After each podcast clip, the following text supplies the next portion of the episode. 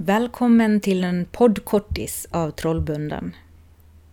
Under varannat avsnitt av Trollbunden kommer jag presentera platser och besöksmål med anknytning till folktro i Dalarna. För att förhoppningsvis locka någon till att besöka platserna och hålla liv i de gamla berättelserna. Jag heter Sandra och idag får du följa med mig till Stålbergsgruvan.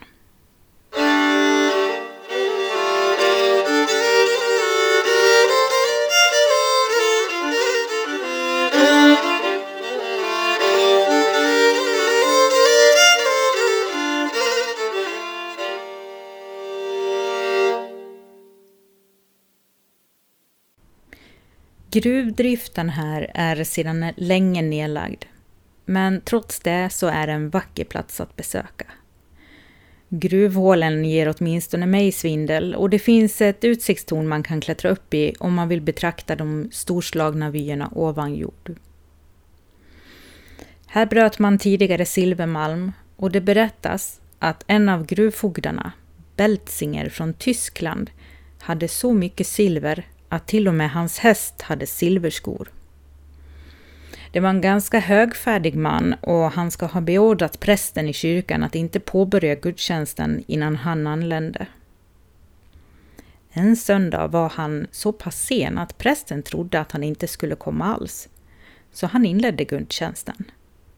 Och när Beltzinger till slut anlände och hörde att gudstjänsten var igång så red han in i kyrkan och sköt prästen. Samma dag som prästmordet skedde ska pigan ha varit ensam på Beltzingers gård.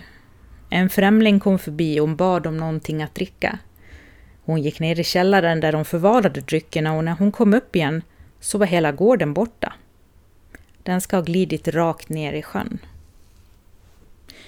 Och det finns en annan berättelse om sjön som inkluderar Beltzingers fru.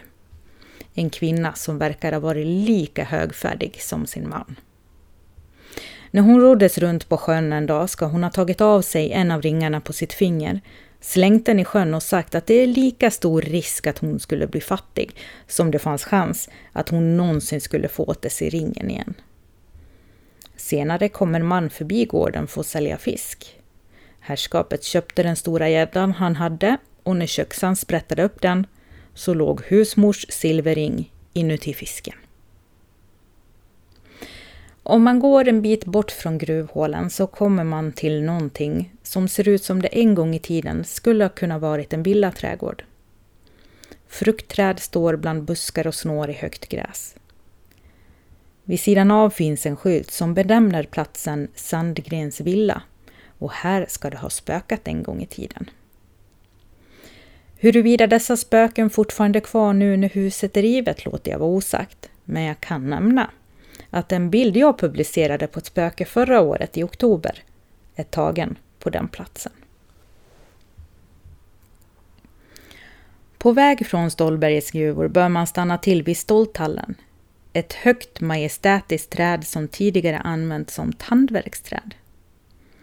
Det vill säga att om man hade tandvärk så kunde man peta i det onda med en sticka som man sedan satte in i tallen för att bli av med tandvärken. Det finns också en, en liten udda tradition om att gå runt tallen motsols för att få gifta sig med en Stålbergsflicka. Jag skulle tro att det fungerar bättre än Tinder. Stolbergsgruvan ligger mellan Smedjebacken och Ludvika på ett ungefär i Silfyttan. Ekomuseum Bergslagen har en fin karta som visar var och det är skyltat längs vägen. Om du besöker någon av platserna och lägger upp bilder på sociala medier så får du gärna använda hashtaggen folktrodalarna. Jag tänker att det får vara vår egen lilla tagg för att sprida de här platserna vidare. Finns det någon speciell plats som du tycker jag borde berätta om så fler får ta del av den? Hör gärna av dig. Du vet var jag finns. Folktro i Sverige heter sidan på Facebook och kontot på Instagram heter Folktro. Det var allt. Tack och hej!